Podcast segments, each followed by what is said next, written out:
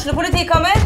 Ine Jansen er purk. Er du purk? The motherfucking bitch. Alt jeg vil, er å finne ut hva som skjedde med mannen min. Jon Carew. Er jeg sikta for noe? Iben Akeli. Det er du. Ole So, Lars Berrum og Big Daddy Karsten. Hvem sin side er du på, egentlig? Anette Hoff, Tone Danielsen, Kommer du fra Afrika? Jørnis Josef, Nesten. Kløfta. Trond Espen Seim, Det er synd å si det, men det var feil mann som døde. Purk. Premiere tirsdag på TV2 Play.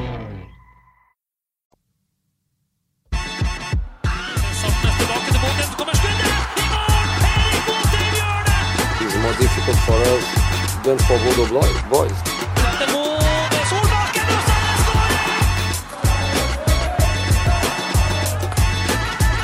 Let's enjoy it. Let's play.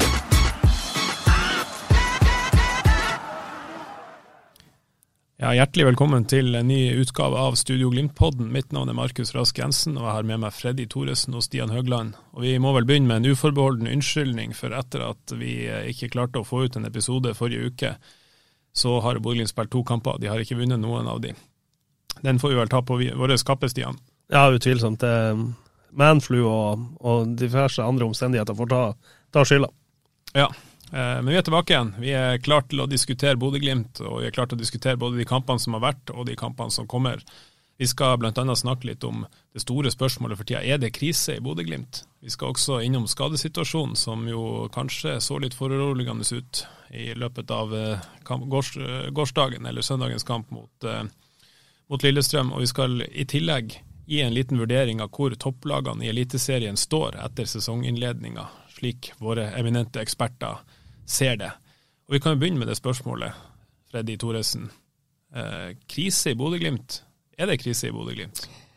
Nei, jeg syns vel ikke vi skal bruke ordet krise om et fotballag fra en fiskelandsby oppe i Nord-Norge, men eh, de sliter lite grann. De, eh, de fyrer ikke på alle sylindrene, sånn som vi har vært vant til å se Bodø-Glimt i 2020 og i 2021-sesongen og store deler av 2019. Ordet krise vil jeg ikke bruke, men eh, de viser noen tegn eh, i de siste kampene. Ta cupfinalen, eh, ta bortetapet mot Viking 0-2, så, så syns jeg vel det er et par nøkkelspillere som har et kroppsspråk. Det er lenge, har, lenge siden jeg har sett på fotballbanen eh, når Bodø-Glimt er i aksjon, og det er nøkkelspillere, hærførere som Ola Solbakken og Ulrik Saltnes som, som går foran og, og viser litt frustrasjon overfor medspillere, viser litt frustrasjon overfor dommer, viser litt frustrasjon overfor motspillere, og de type kropp, den type kroppsspråk og den slags må bort. Eh, da tror jeg det er lettere for at Bodø-Glimt eh, finner vinnerformelen igjen og, og kan sprudle sånn som de har gjort i, i mange år nå, faktisk.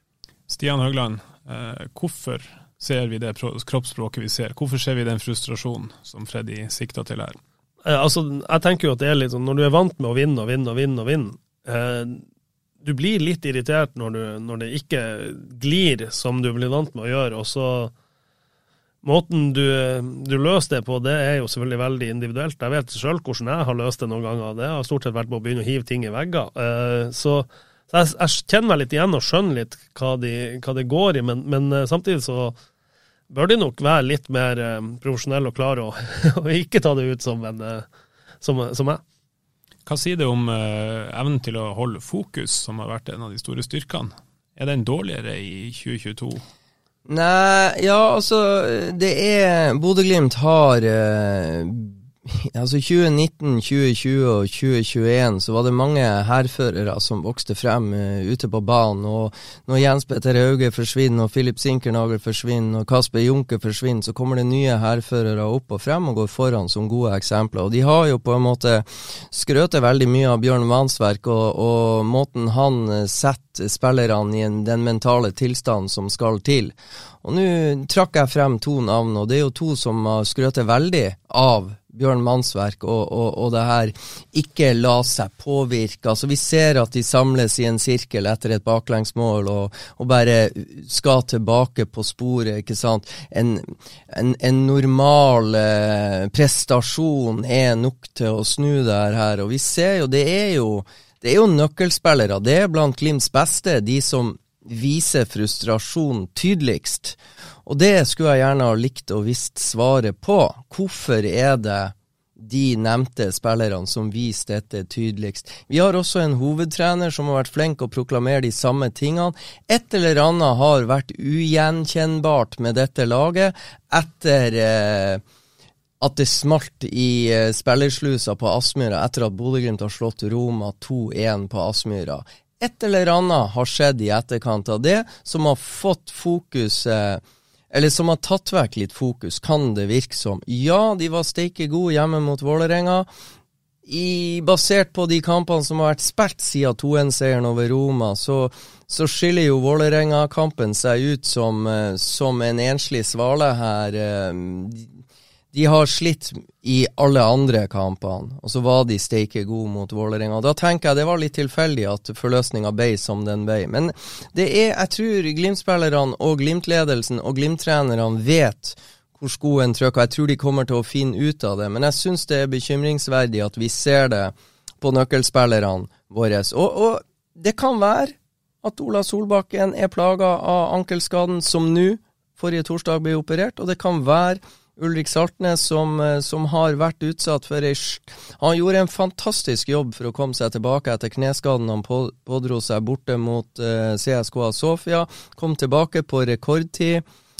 Har litt sånn hofteproblematikk, uh, står i det, yter sitt beste for laget sitt hver bidige kamp, i tøffe kamper i Skottland, i tøffe kamper i Roma, i tøffe kamper i Alkmaar og hjemmekamper mot de respektive lagene her, så, så um, det kan være at man blir sliten mentalt, man blir sliten fysisk, og man lykkes ikke helt sånn som man er vant til å gjøre, og så må man ta en liten restart og, og slå tilbake og få fornya glød. Så kan det være at det er en del nøkkelspillere som var i garderoben, som spiller i andre klubber nå, som Marius Lode, som Patrick Berg som Fredrik André Bjørkan, som var som Erik Botheim, som var bidragsytere, som kunne ta ansvar mens Ulrik pusta litt, mens Ola pusta litt og sleit med sitt. Så hadde du andre ledertyper som stakk hodet fram og gikk i krigen først, sånn at ikke Ola og Ulrik var alene med ansvar. Jeg savner kanskje at nye typer nå står frem. Det begynte jævla bra eh, med de nye som eh, som erstatta de eh, som forsvant. Så eh, ja, kanskje er det noen, som, noen flere som må stå frem og være hærførere og, og backe opp de to eh, jeg har nevnt. Hvem bør stå frem, Stian? Det er flere. Eh, jeg mener Elias Hagen bør kunne stå frem mer enn han har gjort, eh, og som han kanskje eh, har kvaliteter til å gjøre. Marius Høybråten står frem, syns jeg, i, i, det daglige treningsarbeidet. Kanskje kan han ta enda mer ansvar. Runar Espejord. Også, eh, mange av de guttene som Freddy nevner her, ja, de var de beste fotballspillerne i Bodø-Glimt. Men de var også noen av de største humørsprederne i Bodø-Glimt. Altså, Marius Lode smiler jo og flirer eh, i 90% av tida. Erik Botheim likeså. Altså, når ting er litt, eh, er litt dritt, holdt på å si, så, så, er det veldig godt å ha folk som ufarliggjør ting og, og kommer med en spøk og, og, og får fram smil og latter. Og det, det, tror jeg ikke du skal undervurdere heller, eh, måten de var på. I tillegg til selvfølgelig at de var trendsettere på hver eneste trening og gjennom sine kvaliteter. Ja, så blir det ei ekstra utfordring for Bodø-Glimt. For Sondre Brunstad Fet er en potensiell eh, trendsetter når han er i fullt virke. og... Eh, nå har han vært skada i store deler av sesongen og har vært tilbake de siste ukene. Og så er han endelig tilbake fra start mot Lillestrøm på søndag. Og, og vi ser at det holder i 45 minutter for hans del. Og, og, eh, så, så, det er klart eh, det er, det er, mange ting, og det er mange synergier. og er Bildet er komplekst, men, eh, men, det virker på meg som en litt sånn sliten gruppe som som må få Altså, nå har, har, de hatt to rene trening. De hadde ei ren treningsuke inn mot cupfinalen. De hadde ei ny ren treningsuke inn mot uh, Lillestrøm.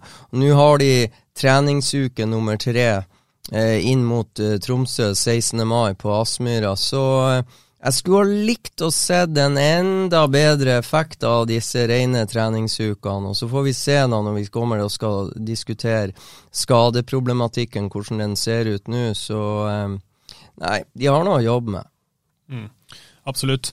Uh, du nevnte Vålerenga-kampen tidligere, Freddy. Den har vi snakka om. Uh, Glimt har vunnet én av de siste fire kampene, er det riktig? Må jeg tenke meg litt om, det er riktig. Uh, og den ene kampen de vinner, er mot det laget som ikke spiller med trebackslinje.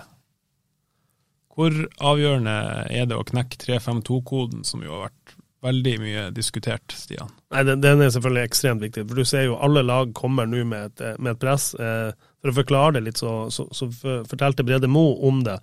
Molde, hver gang de har møtt dem, så har kantene starta presset og kommet inn fra kant.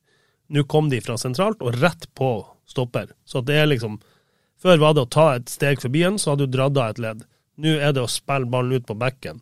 Og det er jo noe alle ønsker, det er å få ballen ut på kant. De vil ha, at det skal være lukka sentralt i banen. Eh, og det er det Glimt må jobbe med, og det er der det ikke flyter eh, veldig godt når de, når de får ballen, liksom, for de spiller seg ut til back hver eneste gang. Det er jo ikke noe problem. Hvorfor er det så vanskelig for Glimt å gjøre noe med det? Eh, Glimt ønsker jo selvfølgelig å få ballen inn til sine indreløpere særlig, og komme seg i dette mellomrommet. Det er jo det er jo en, eh, en kjent oppskrift. Men, men, hvorfor klarer ikke Glimt å, å, gjøre noe med det når de blir møtt på den måten der det pakkes inn sentralt? Det er jo det de Det er jo, si, det er jo tre uker siden de har jobba med dette veldig mye. Uh, jeg syns jo det var bedring mot Lillestrøm. De skaper mye mer mot Lillestrøm enn de gjorde det samme mot Molde og Viking. Uh, var jo selvfølgelig Lillestrøm er vel neppe like god som, som de to, da. Men, men det vanskeligste i fotball det er å skape noe. Uh, og så er det når ikke alle er der oppe, så, eller alle er oppe og nikker på toppnivået sitt. Det er folk som sliter litt, kanskje også med selvtillit, som et par antydende i mix-zone her. Da, da, blir det vanskelig. Og så er min påstand det at både Molde og Viking skulle bare ha prøvd med det de lykkes med på Ullevål når det gjelder Molde. Viking når det gjaldt andreomgangen her på Aspmyra, og ikke minst i Stavanger. De skulle ha prøvd det der med Marius Lode og Brede Mo Patrick Berg sentralt og Fredrik André Bjørkan eh, på venstrebacken. Da hadde både Molde og Viking blitt henretta. Fordi at Marius Lode og Brede Mo gjorde det her på autopilot. Det nøtte, det hadde ikke noe å si. Overdekte de på Brede, så var det litt ekstra rom for Marius. Marius utnytta det. Da snakka jeg ikke om Høybråten, da snakka jeg om Lode. Og klarte de å låse av de to, så var det Fredrik André så var det Fredrik André Bjørkan, og da eh, var det god natt. Da satt jo han bare fart og, eh, og skapte overtallssituasjonen fremover. Så med de og det, det, er det her at Høybråten må bli trygg i sin nye rolle som lederskikkelse sammen med Brede Mo. Brede Mo har også vært skadet i et par av de her kampene. Elias Hagen ikke like dyktig som Patrick Berg til å være spillbar hele tida, og Brisveen Bangomo sliter med både sykdom og en sliten kropp etter å ha blitt kjørt igjennom denne, det her europacupsystemet. Så det forteller bare hvor jækla god Fredrik André Bjørkan var, Marius Lode var, og Patrick Berg var i sine i, i, sin fase av spillet, hvor lite som skulle til av disse tre før overtallssituasjoner offensivt i banen ble skapt. Så min påstand er det de lagene i år har lyktes med, det hadde ikke vært i nærheten av å mål hvis Bodø-Glimt fortsatt hadde hatt de. Så jeg tror nøkkelen for Bodø-Glimt er at de nye spillerne som kommer inn, blir enda bedre til å løse. De har jobba med det i hele år, men de må bare bli enda bedre. Mm. Eh, nå er det sånn at Glimt har de spillerne de har. De har mista en del spillere i fjor, og dere peker jo både på, både på i oppspillsfase, egentlig, men også i, i, garderoben, så er de veldig savna. Eh, hva kan Glimt gjøre konkret for å bote på tapet av Patrick Berg? Ja, jeg vil bare si, ikke sant, jeg ser det skrives eh, Molde slo Bodø-Glimt i cupfinalen, og det, det blir på en måte klassifisert som en bragd i større medier her i Norge. og det, det forteller jo alt om ryktet til Bodø-Glimt. Altså, det er en bragd å slå Bodø-Glimt 1-0 på et feilaktig idrømt, eller jækla billig idrømt straffespark av Rohit Sagi. Det er en bragd, ja. De var jo, de var jo spillemessig best i den Ja, Glimt skapte ingenting. Glimt skapte ingenting. Men se hva Molde gjorde i neste kamp. De gir vekk 0-3 til 4-3 hjemme mot Viking, som per nå er et av Norges beste lag. Rosenborg ble hylla for en genistrek av en 2-2-kamp på Aspmyra. Blir ikke hylla mye nå etter 0-3 mot uh, Strømsgodset i Drammen. Et Strømsgodset-lag som var tilbake på Marienlyst etter 0-5 hjemme mot Sandefjord. Så ja, kortsiktig lykke det der, og, og uh, kortsiktig lykke, det der å, mure igjen og stenge alle rom til Bodø-Glimt. Jeg syns Lillestrøm har vært et av årets store Jeg vil ikke si positiv overraskelse. Lillestrøm har gjort mange fine signeringer. De har fått en steike god start på sesongen. De kommer opp til Aspmyra, skårer et flott mål. Offside var det også, viste seg. Men Bodø-Glimt var steike mye bedre enn Lillestrøm. Bodø-Glimt skapte sjanser. Bodø-Glimt misbrukte et straffespark. Bodø-Glimt burde ha vunnet denne kampen. Men sånn spillemessig så var jeg egentlig sjokkert over hvor mye bedre Glimt framsto. Et Glimt-lag som da kommer på banen uten Runar Espejord, uten Viktor Boniface, uten Ulrik Saltnes, uten Ola Solbakken. Så eh, jeg syns det er synd for Glimt. De fortjente en, en ettmålseier ut ifra prestasjon og innsatsen som ble levert. De fikk bare 1-1. Ok, de må bare jobbe videre. Men eh, det, min påstand er at det er lettere for lag å mure igjen og stenge de rommene som Glimt ønsker å uh, utnytte. Og måten det er lettest for Bodø-Glimt å skape overtallssituasjoner offensivt. Spesielt så blir det lettere Én ting er at det er lettere å gjøre det, og mure hele laget inn 30 meter fra egen keeper og stenge rommene og overbefolke. Men det er klart Glimt sliter litt når det er nye spillere som skal inn og løse eh, rollene, og som, som eh, Fredrik Bjørkan, Patrick Berg og Marius Lode etterlot seg. Men jo mer Glimt får jobba med det, etter hvert som folk blir mer og mer skadefri, ja, da tror jeg at eh, hvis det her er eneste måten å stoppe Bodø-Glimt på, så tror jeg at eh, Bodø-Glimt kommer til å knekke kodene før eller senere. Spørsmålet er hvor lang tid det tar. Mm. Vi skal snakke mer om skadesituasjonen etter en kort, liten break.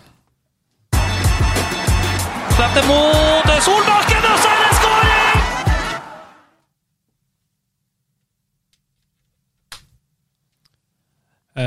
det var mange som eh, både dro litt på den ene og den andre muskelen skal jeg si, i går, og slet veldig på eh, Pasmyra kunstgresset. Og Glimt har jo også i cupfinalen måttet se at Runar Espejord forlater den skada. Det har vært litt suspensjoner her.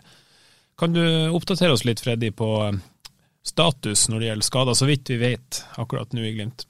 Ja, Vi får begynne med det som er enkelt. Victor Boniface sto over eh, mot Lillestrøm hjemme fordi at han fikk rødt kort, eller to gule, borte mot Viking. Han er da tilbake når Tromsø kommer til Aspmyra 16. mai. Det er bra. Da har Glimt mer enn Lasse Nordås å spille på på topp. Kanskje får Runar Espejord ei ekstra treningsuke som gjør og, og, og litt sånn smertestillende inn i kroppen til kampstart, så kanskje også han aktuell. Uh, Ulrik Saltnes soner sin siste kampkarantene hjemme mot Tromsø og blir tilgjengelig for spill etter det igjen.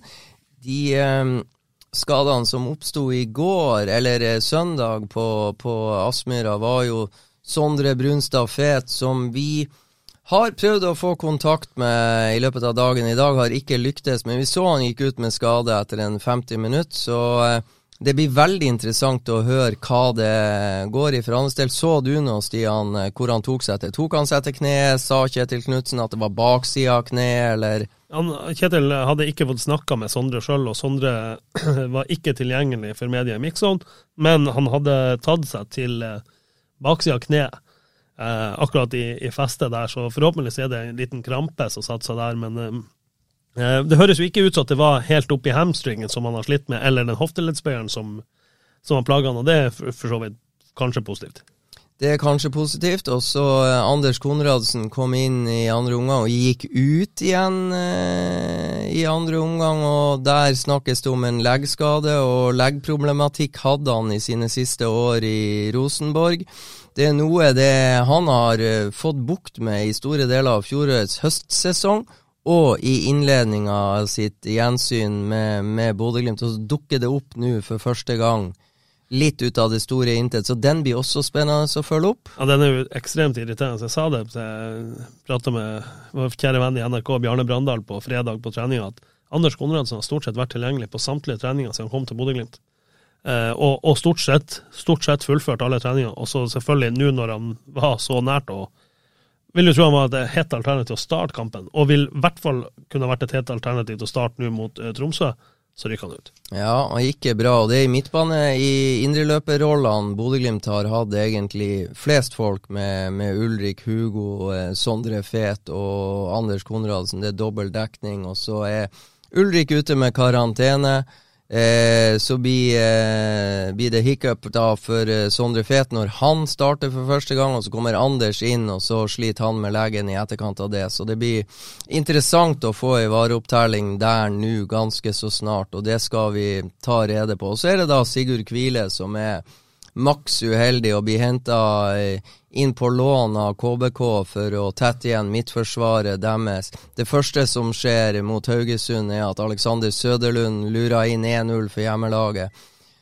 Og etter 11 minutter så går Kvile opp i en duell, og det vi hører er at Sigurd Kvile ikke var med KBK tilbake til Kristiansund fra bortekampen i Haugesund, men at han isteden har dratt til Bergen, der han kommer ifra og skal opereres av et eller annet slag. Så vi skal prate med han litt senere i dag for å høre, men eh, Kragebeinet det spekuleres i der? Ja, kragebeinsbrudd er det, det, det som var Syklistskade? Ja. Og Kvile er jo ikke syklist, han er jo midtstopper. Mm. Eh, Ola Solbakken også operert. Eh, vi ser han vel ikke antageligvis før sommerferien. Ola Solbakken, der levner vel eh, Glimt sin lege Morten Sørgaard, ingen tvil. Ola Solbakken skal fyre på alle sylinderne i første kvalikkamp til Champions League, og det er i begynnelsen av juli. Ja, altså Målet deres er jo selvfølgelig at han ikke skal være klar da den 6., 7., 8., og 7. og 8. juli er vel den kampen. Eh, sjette, sjuende, kanskje. Eh, målet er vel at han skal være klar eh, senest mot Odd 2. juli, men aller helst uka før mot, mot Ålesund på hjemmebane den 26. juni. Ja. Sånn at han får et par kamper og skal være klar, og, og kanskje kan være klar allerede da første kamp etter ferien 19. juni borte mot KBK. Ja, han skal være i praktslag til Champions League-kvalik. Og det er det noe vi har sett, så er det jo at Ola Solbakken, og Solbakken han må trene for å, for å være god. Og Ola mm. Solbakken har ikke fått den treningsgrunnlaget som han hadde da han var god i, i fjor høst, i, i siste ukene i vinter. Og en annen ting vi vet med Ola Solbakken, han ble jo operert i fjor, og han gjorde en fantastisk jobb etter den eh, operasjonen i skuldra etter at han gikk i bakken mot Molde. Han gjorde en ekstremt god fysisk jobb, var dedikert og kom tilbake steike kjapt, og han fant også eh, formen ganske kjapt. La oss håpe det samme skjer igjen. Mm. Og eh, I tillegg så eh, er det jo en kamp som betyr litt ekstra på mandag, mot Tromsø. Hvordan ser det startoppstillinga ut? Eh, hvem er vi helt sikre på er i den, stia? Nikita Haiken. Altså, hver gang jeg begynner å si noe sånn her om hvem som ser bra ut, og sånn, så blir de skadd. Så jeg, vet, jeg tror jeg skal begynne å si at det blir Markus Andersen i mål. Og sånn. Altså Nikita, eh, Alfons, Brede, Marius, og så vil vi tro at Brise er tilbake etter sykdom. Eh. Og vi så jo Bris Wembangomo sin eh, effekt på laget etter å ha vært ute med sykdom i store deler av treningsuka. Han var tydeligvis syk da og viste seg i etterkant i cupfinalen. Syns eh, det var en revitalisert eh, Bris Wembangomo som kom inn og fikk 20 minutter mot Lillestrøm. Ja, han, han, Morten Kalve sa til meg på fredag at Bris ble syk natta før cupfinalen. Han ble kvikna til utpå dagen søndag cupfinalen men det viser seg vel at han var ikke helt frisk. Og etter cupfinalen fikk han en kraftig reaksjon. og Jeg så han verken på trening verken fredag eller lørdag, så han trente vel ikke hele uka før. så han har lada batteriene, og får jo tro at med åtte dager, eller nå ei uke etter kamp, så, så blir han helt klar. Midtbanen der er Hugo, går jo i klokke. Elias Hagen syns jeg for første gang i år virkelig var god og frigjør seg når under tett press. Eh, så er det jo midtbane siste der. Det er håp at det ikke alvorlig med fet. Jeg frykta mer for Anders Konradsen, men da er jo heldigvis Morten Ågnes Konradsen tilbake. Kan jo være en, en løsning, selv om de valgte Joel Umvuka i, i går som innbytter, men eh, ei uke til på Morten, så ser jeg ikke bort fra at han kan være aktuell. Og så angrepet, det blir vel fort Sondre Sørli og Amal i hvert fall, og så er det jo åpent om Runar blir klar. Eh, Boniface er klar, så tipper jo Boniface starter, og at Lasse Nordås er, er i fall, i beste fall på andre valg. Ja, det var ei, ei bra oppsummering. Og så kan det jo hende at eh, Gilbert Komson eh, kan kvalifisere seg inn og få en sjanse til å starte igjen i forhold til en duell med Sondre Sørli. Det vil vise seg. Det blir en del dueller, heldigvis, på trening, hvor det bare er opp til spillerne gi beskjed. En annen mulighet også, hvis eh, Sondre Fet og Anders Konradsen er uaktuelle og vi vet at Ulrik ikke kan spille, er å prøve Elias Hagen eh, i en indreløperrolle og la Gaute, Gaute Vetti styre sentralt. Eh, det er òg et alternativ. Så, eh, men nå liker jo ikke Glimt å, og stokk for mye på, på brikkene, men eh, løsning kommer de opp med. Og så kan vi jo vi kan jo nevne sistemann i midtbaneleddet som som, som, som er der. Det er jo Fredrik Sjøvold. Vi tror vel ikke han eh, banker helt det på den døra enda, men eh, tipper man får se han fra start eh, tre dager senere mot Rana i cupen. Han var på benken eh, nå mot Lillestrøm. Eh, Sondre Sørli har vel òg fått et innhopp i år som indreløper, så, så vidt. Så vi kan vel eh, ha han i hvert fall som en sånn liten joker. Han er jo en anvendelig type. Ja, og en annen ting jeg har registrert. Joel Mvuka var vel eh, småpigg og småfrisk i eh, de siste ti minuttene, hvor jeg syns Bodø-Glimt valsa veldig over, eh, over Lillestrøm og hadde kommandoen og initiativet, men ikke klarte å prikke den forløsende pasninga som skulle til for at de klarte å sette vinnermålet.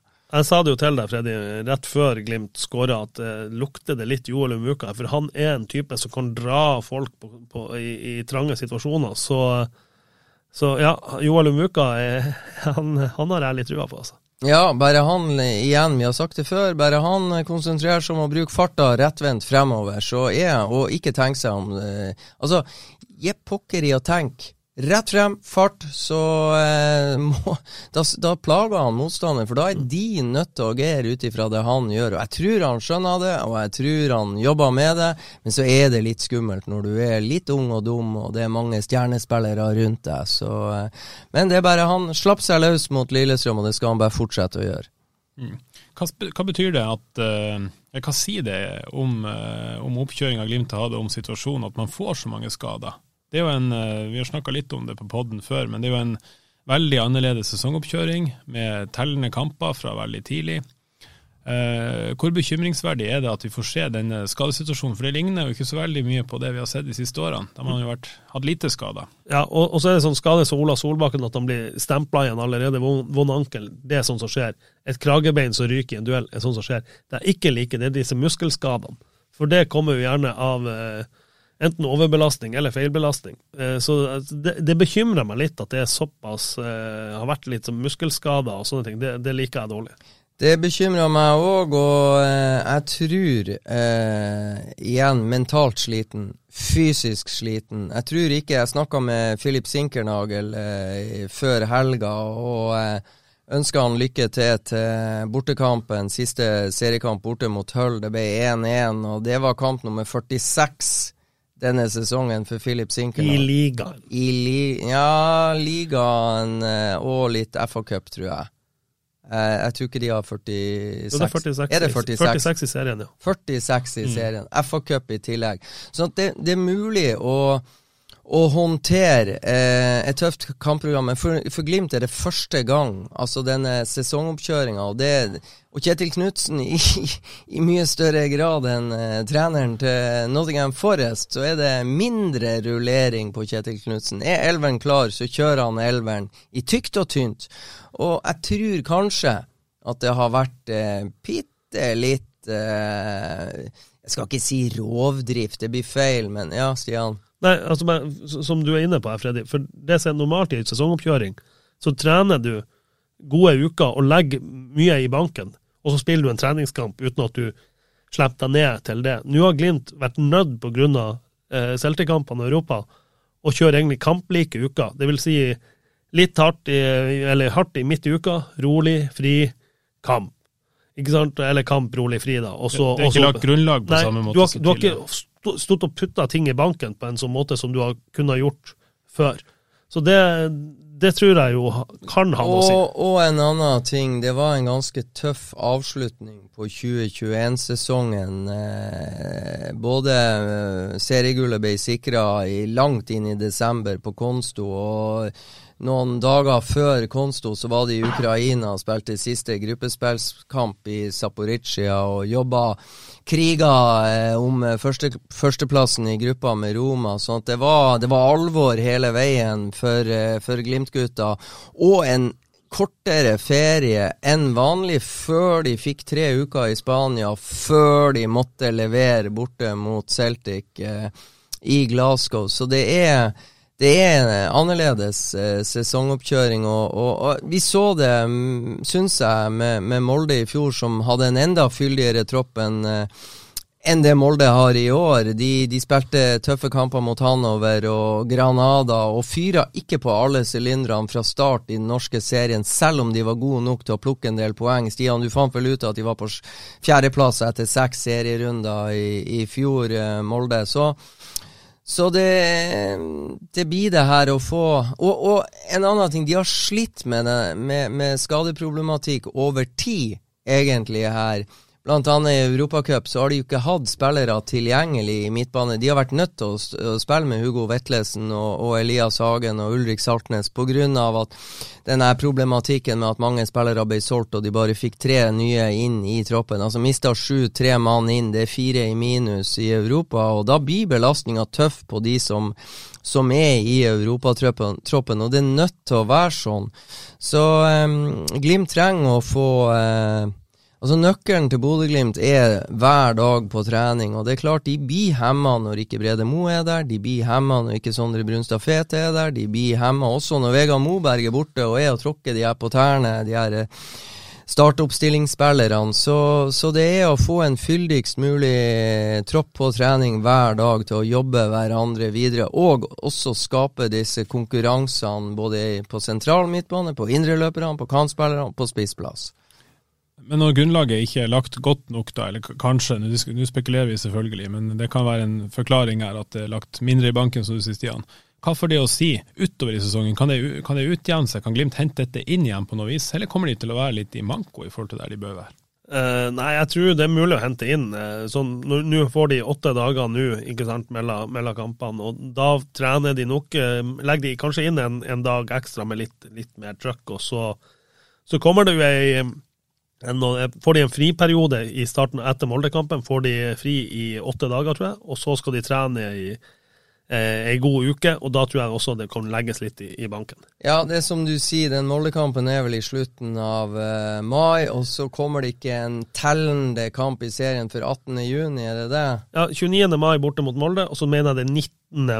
juni borte mot KBK, mener jeg. Nemlig, og der er det en periode. Bare overleve mai, eh, og så, så, blir det å få lada batteriene og, og, få heve litt ting i banken, og det er fullt mulig. Og kjenner jeg disse Glimt-spillerne rett, ferie Eh, i åtte dager er ikke ferie. De kommer til å sette litt inn i banken der, selv om de ikke ser trynene på hverandre hver dag. De kommer nok til å stikke på ferie med et lite treningsprogram. Det treningsprogrammet tipper jeg er skreddersydd midtstopper Brede Mo, midtbanespiller Hugo Vetlesen, midtspiss Runa Resbjord og kantspillere og Brisve Mangomo. Eget individuelt program som er skreddersydd i forhold til den jobben de skal gjøre ute på banen 11 mot 11 når det står om poeng i serien.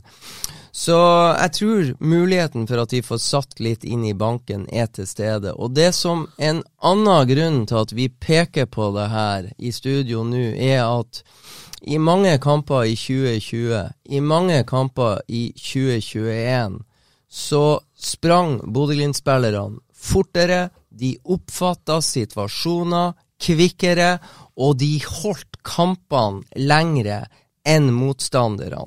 Det syns jeg ikke vi har sett i inngangen eh, i sesonginnledninga i 2022.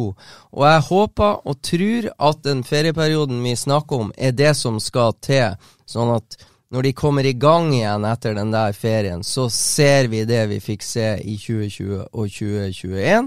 At når det kommer til det 71. minutt og inn, så er det Glimt som sprenger raskest og mest og valser over motstanderen. Og så kobler dette jerngrepet som skal til. At det nøtter ikke å legge alle mann innenfor 30 meter og forsvare rommene. Til slutt klarer de ikke å henge med. De slår sprekker, og Glimt utnytter det. Jeg tror, jeg tror, Glimt eh, har eh, Jeg tror Glimt har veldig veldig lyst på en ny europacup-eventyr. Og, og, det begynner jo å komme litt sånn omsiding her. Så jeg tror de kommer til å jobbe den, Som du sier, Freddy, den, den, den ferien de får i en drøy uke Det blir nok et par-tre dager så de får beskjed nå tar dere det rolig, og så kjører vi. For, for sidinga f.eks. til Champions League, hvis det går som de lagene som er bekrefta nå, så vil Glimt være klink sida i første runde. De vil være sida i andre runde. Og ut ifra hvordan jeg har telt meg frem til, så kan det hende at Bodø-Glimt også eventuelt vil være sida i en tredje kvalikrunde i Champions League pga. resultatene i fjor. Og selvfølgelig litt hvem ellers som kvalifiserer seg fra andre land, men, men sånn som jeg har telt meg frem, så Glimt, vil Glimt være det siste laget som vil være sida, eller Glimt sin kamp vil være det siste laget som blir sida i tredje kvalikrunde. Vi, vi snakka litt om det tidligere uh, i en podkast, og uh, etter det så har jo russiske lag blitt uh, utestengt fra neste års Champions League, hvilket betyr at Norge går opp en plass. Og da er det vel helt som du sier, helt 50-50 omtrent om de, om de ender opp som, som sida i tredje kvalikrunde til Champions League. Er det jo, men jeg ser jo også at du kan være For det er jo, det er jo ikke Lege Warszawa som vinner i Polen i år, det er jo et helt nytt lag som vinner, og de har ikke noe sidingspoeng. Så, så de, polske vinnere blir usida, så, så, det kan bli en tøff kamp allerede. Ja, og, og, du er inne på det der, men, men det, Zürich har f.eks. lite poeng også. Ja, det, de, men det er mange tøffe lag her som har lite sidingpoeng.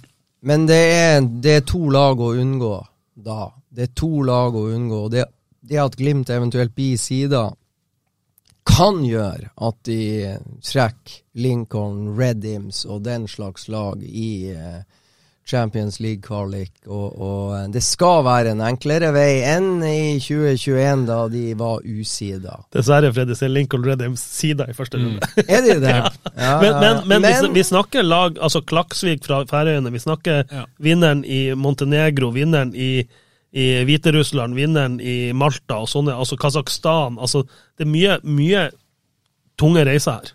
Absolutt. Eh, og så er det jo sånn at selv om Lincoln Redims er sida i første runde, så kan jo de være usida i andre runde igjen. Det så, er de. Eh, så det, det, er litt eh, Den veien der er ganske komplisert. Eh, hvis vi skal rekke gjennom alt vi har tenkt i dag, så må vi rett og slett gå videre til neste tema. Og da skal vi jo vurdere toppen i Eliteserien etter sesongstarten. It's more difficult for us than for Bodo boys. Jeg innser at jeg glemte å spørre uh, et spørsmål, uh, Stian. Hvordan treningsprogram har Victor Boniface med seg i ferien i sommer? Jeg tror ikke han får, ikke han får lov å reise til Nigeria. ok. eh, toppen i Eliteserien ser vel ut som sådan. Viking leder. Eh, stemmer ikke det? Fredrik? Viking har 15 poeng, Lillestrøm 14, eh, Sarpsborg 10, Vålerenga 9, Bodø-Glimt og Ålesund på 8. Mm. Hvordan vurderer dere eh, topp, topplagene? Hvis vi begynner med Viking. Eh, Freddy han hevda jo hardnakka at de bare kan mure igjen bakfra, men jeg syns jeg så de slo Haugesund 5-0 i kampen etter, eh, etter, Glimt. Hvor farlig ser Viking ut? For meg er Viking for øyeblikket PT den store gullfavoritten. Jeg synes, når jeg har sett de to... Du mener de er større favoritt enn Glimt? Ja, Eh, nå hadde jo ikke jeg Glimt som serievinner i utgangspunktet, men eh, har du aldri. Nei, nei men jeg, nå har jeg sett Viking eh, live to ganger. Eh, spesielt det de gjorde i Stavanger, syns jeg var skikkelig bra. Det, de murer ikke bare igjen, ja de gjør det òg, men eh, de kommer ikke til å kunne spille som de gjorde mot Glimt i alle kamper, for da får de for mye folk ute med karantene og røde kort. men de har, de har, et presspill som minner meg om det Glimt var aller, aller best på i 2020. Eh, de, de har X-faktor-spillere i Berisha, eh, blant annet. Og ja, måten de rundspilte Molde på det første kvarteret Vi snakka litt om det, den kampen på lørdag, Molde-Viking. Etter et kvarter så var det jo ett lag på banen. Viking rundspilte Molde. Hvis du da hadde sprunget ut og hevet en pizza i ovnen og så kom tilbake ti minutter senere, så var det 3-0 til Molde, da tror jeg du har lurt på hva i all verden er som foregår der. Det er vel òg en av de store poengplukkerne til nå i Berisha i, i, i, sitt arsenal. Ja, Viking, eh, Viking, har et komplett lag, og, og, eh, de har fått en eh, fantastisk start. De har bare tapt én kamp, og det var mot Odd, som ligger på ellevteplass. Eh, så ja, jeg er enig. Viking har eh, Skal vi se, de har altså 15 poeng, og Bodø-Glimt har 8. Det er 7 poeng, men de har én kamp mer spilt, så egentlig så er de 4 poeng eh, foran Bodø-Glimt. Hvis Bodø-Glimt vinner den eh, kampen de har til gode, og det er som du påpeker, Stian, det er alltid greit med de poengene som er på konto. Så Viking er seriens beste lag. Lillestrøm er på andreplass på tabellen, bare ett poeng bak Viking. Vi fikk se Lillestrøm eh, på Aspmyra. Og jeg syns, med all respekt, og jeg liker Geir Bakke. Jeg liker kjøpene Lillestrøm har gjort. Jeg liker måten de bygger tropp på, med, med lokale. Og de henter også unge, lovende spillere for en fornuftig penge, som Ogbu og Akur Adams fra Sogndal. Smarte kjøp der. De låner inn Holmberg Fridjonsson også. Smart. Men eh, jeg er overraska over et Glimt-lag som sliter såpass som de har gjort, både mannskapsmessig og spillemessig, etter å ha gått for første gang to kamper på rad i Stavanger og i eh, cupfinalen uten å ikke bare skåre mål, uten å skape sjanser. Mm. Eh, vi må tilbake til 2019. Da var det to 0-0-kamper. Eh, Lillestrøm borte, Mjøndalen hjemme. Da ble det 0-0. Men ikke sant, det, det, vi må tilbake dit for å finne to kamper Glimt ikke skåra mål i to kamper på rad. Men det var to kamper som faktisk endte uavgjort. Nå har Glimt tapt to kamper på rad uten å skåre mål. Og for å De hadde vel ikke Kan vi regne oss frem til seks omganger uten skåring i går? De hadde det. Mm. Eh, etter førsteomgangen mot Lillestrøm, som, eh, som eh, står 0-1, så er det seks omganger på rad uten at uh, Glimt har skåra mål. Det er et Glimt-lag som sliter litt. Men at Glimt likevel skulle være så mye bedre enn det laget som har vært nest best i år, eh, det overrasker meg litt, og det forteller meg litt om hvor mye Glimt har å gå på.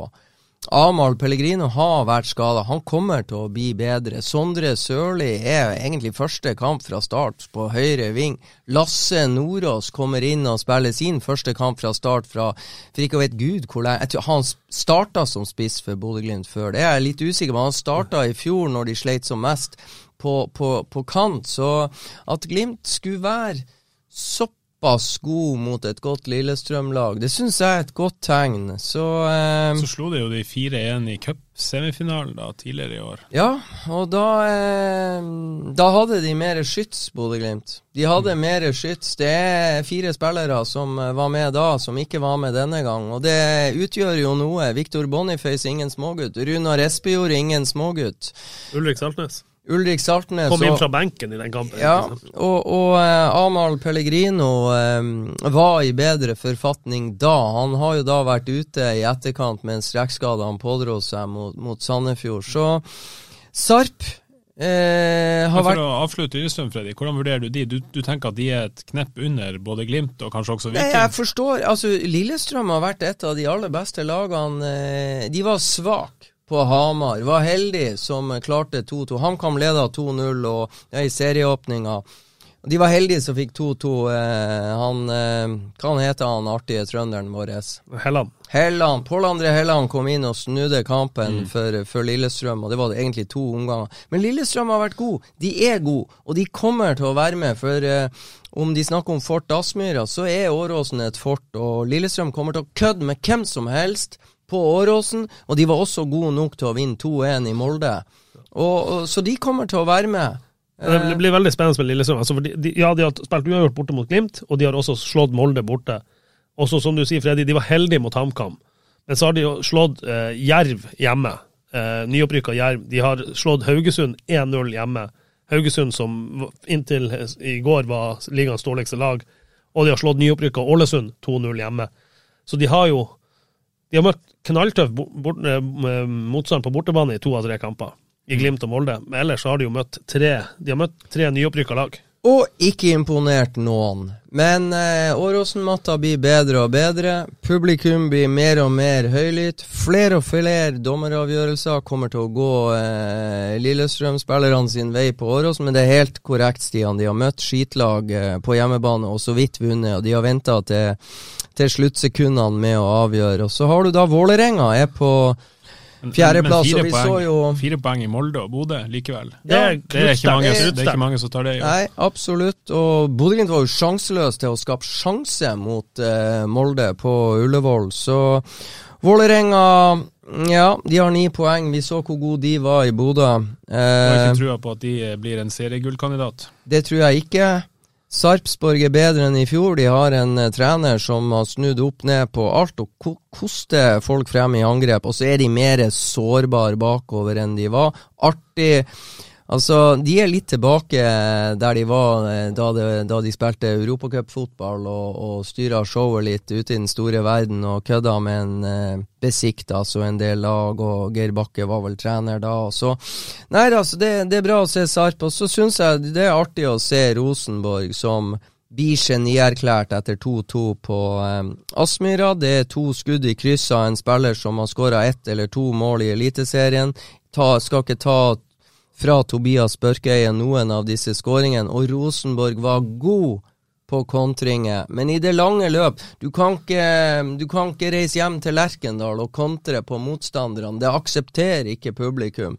Så når Rosenborg skal ta litt kommando i kamper, da blir det litt verre. Så eh, de ligger nede på tolvteplass, og det blir steike interessant å se hvordan eh, verden blir videre for, eh, for Rosenborg. Det, det må jeg si. Så jeg tror Viking, Lillestrøm, Molde Molde, som ble cupmester, har altså spilt fem kamper som Bodø-Glimt og har ett poeng mindre. Så eh, Molde tapte har tapt to hjemmekamper på rad. Tapte vel eh, 2-1 mot Lillestrøm og tapte nå 4-3 mot Viking. Så jeg er enig, Viking er det beste laget per nå. De har satt standarden, og det er der de andre lagene, Bodø-Glimt medregna, det er der nivået er, og det er dit de må strekke seg. Hvem er de største Hvis vi regner Bodø-Glimt med i gulldiskusjonen, jeg tolker det vi snakker om nå som at vi tror at Bodø-Glimt kan blande seg inn der, i hvert fall. Programlederen tror i hvert fall det. Ja, det høres veldig ut som du også tror det. Så indignert som du er på Glimt sine vegne når det diskuteres hvor gode de andre lagene er. Eh, Viking har satt standarden, ja. Eh, basert på det Bodø-Glimt har eh, prestert i Europacupen, så er det nærliggende å tro at Bodø-Glimt skal være med og fight om eh, gullet og medaljene. Og jeg tror vi har eh, pirka på lagene, eh, som jeg sier, Viking.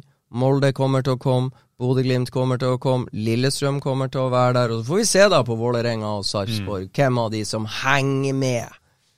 Ja, om Rosenborg plutselig finner ut at de skal begynne å skåre mål. Men hvis Ja, Stian, jeg vil høre. Hva tror du om Rosenborg? Det vil jeg òg høre. Nei, altså, altså Jeg vet ikke om det er ryggmargsrefleks at jeg forventer at Rosenborg kommer, men altså det, det er helt rett som du sier, Freddy. Det å komme til Aspmyra og forsvare seg, det jubler Rosenborg-supporterne dit vi er kommet i dag.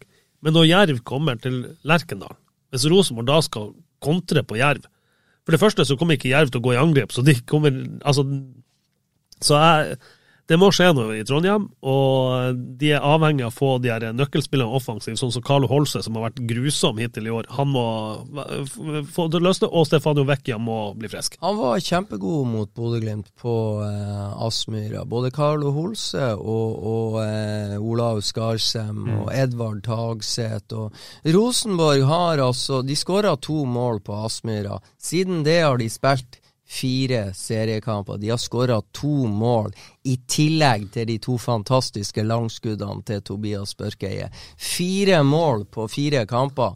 Og jeg sier igjen Strømsgodset har jo ikke skremt vannet av noen. Tenk på det. Fra 0-5 hjemme på Marienlyst mot Sandefjord, som følger opp med 1-3 hjemme mot Vålerenga, så følger Strømsgodset opp med 3-0 til pause mot Rosenborg. Og Godset er jo fortsatt bak Rosenborg på tabellen. Det forteller jo litt om, om, om den starten der, altså. Altså, ja, det er Og, og Strømsgodset hadde før, på sine fire første kamper før møtet med Rosenborg, hvor de skåra tre mål til pause, så hadde de skåra to mål til sammen.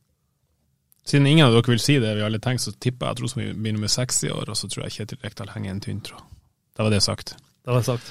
Jeg tror ikke Kjetil Rekdal henger i en tynn tråd, men jeg tror humøret til Hva er det de heter, de supporterne? Kjern. Kjern. Jeg tror humøret til Kjern henger i en tynn, tynn tråd. eh, Det tror jeg. Stian, hvis vi forutsetter at Bodø-Glimt er gullkandidat i år, eh, hvem er de to største utfordrerne for å gå på medaljeplass? Nei, serievinner blir Viking. Eh, så tror jeg Molde blir nummer to, og Bodø-Glimt blir nummer tre. Tror du det? Ja, Eller sier du det for å ikke jinx det? Nei, det, det, får du, det får vi se i november. Ja, Viking har kobla et godt grep. Eh, jeg tror eh, Viking eh, Viking har hatt flyt. Jeg kan ikke tenke meg til at de har flyt med verken dommeravgjørelser og skadeproblematikk resten av sesongen. Så vi får se hvordan de i Stavanger takler problemene som jeg tror kommer til å komme i litt større grad enn de har gjort til nå. Men at Viking kommer til å være der, Ingen tvil. Jeg håper Bodø-Glimt kommer til å være der, men da er de nødt til å De eh, går en tøff mai i møte, eller er i gang med en tøff mai, Bodø-Glimt. Og de har ikke råd til å tape for mange kamper som den i Stavanger. Og de har to av tre hjemmekamper har Bodø-Glimt spilt uavgjort, sånn at de har sløsa vekk fire poeng på Aspmyra. De skapte nok sjanser til å slå Rosenborg. Det klarte de ikke. De skapte nok sjanser til å slå Lillestrøm. Det klarte de ikke. Så de må eh, snarest mulig heve egne prestasjoner på det nivået som gjør at en god prestasjon faktisk er nok til at det blir 2-1 mot Lillestrøm. Klarer de det, så kan de være med. Hvis ikke de knekker koden før mai er over, så tenker jeg toget går med en del andre lag, og Glimt står igjen på perrongen. Og så må, jeg- bare si at uh, mai er blytung med mye kamper. Men hvis det går sånn som vi håper at Glimt skal være gode i Europa i år, ja, da skal de gjennom akkurat samme kampprogrammet som de gjorde i fjor, men de skal være ferdig en måned tidligere. Og spille alle de samme kampene som de gjorde i hele fjor. Ferdig 13. november kontra 13. desember. Så det er en måned mindre å spille alle disse kampene på. Og det er et godt poeng, Stian, og jeg tror ikke nå kan man diskutere hvor styrka altså Glimt ble ved forrige overgangsvindu. De mista Marius Lode, de mista Fredrik André Bjørkan, de mista Patrick Berg, det- de mista Erik Botheim, de mista mange gode spillere. De henta en del gode. Nå kommer neste overgangsvindu. Jeg er ikke sikker at Glimt sender så veldig mange ut, men jeg forventer at de har fått eh, dokumentert hvor de ønsker å styrke laget ytterligere. Så kanskje, det er i hvert fall lov å håpe, Glimt brukte ikke for mye penger i forhold til de pengene de har ved forrige korsvei. Kanskje kommer de med en godbit eller tre for å styrke seg inn mot en meget spennende høst. Jeg tror den eneste reelle utfordreren til Bodø-Glimt er Viking. Og jeg tror ikke Viking holder mål. Da blir det gull. Jeg tror det blir gull til Bodø-Glimt. Ah, veldig bra. Vi setter hvilken dato i dag. 9. mai 2022. Men det var det vi rakk. Nå er vi på overtid her òg, så nå må vi gå videre. Eh, tusen takk for følget. Tusen takk for hjelpa fra de eminente ekspertene her. Tusen takk for fasit på Eliteserietabellen i 2022. Og så eh, minner vi om at vi tar imot innspill og tema som dere ønsker at vi skal snakke om til Studio Glimt-podden, enten på eh, telefax, var det vi fant ut av Freddy. Eh, Telefax til Freddy. Eventuelt mail eller andre kanaler, eller på eh, Twitter. Hashtag Studio Glimt, eller bare ett oss på Studio Glimt. Tusen takk for følget. Vi ses neste uke. Ha det bra.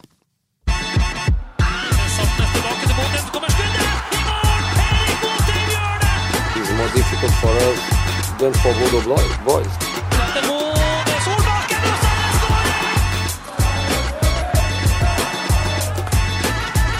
Let's enjoy it. Let's go.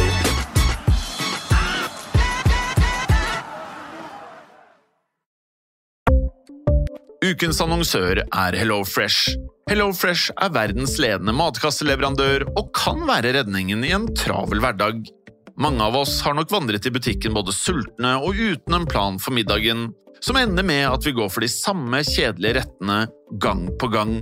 Middag burde være dagens høydepunkt. Som HelloFresh kan du nå velge mellom 25 ulike retter hver eneste uke, eller få HelloFresh til å sette sammen menyen for deg. Dette gir deg muligheten til å prøve nye og spennende retter alene eller sammen med familien. Du velger antall porsjoner og får alt levert på døren på et tidspunkt som passer for deg. Oppskriftene er enkle, og maten er lett å lage både for store og for små. Ved å få alt levert hjem får du også mer tid til å dele matgleden med familie og venner. Kanskje det frister med asiatiske tacos eller greskinspirert kylling?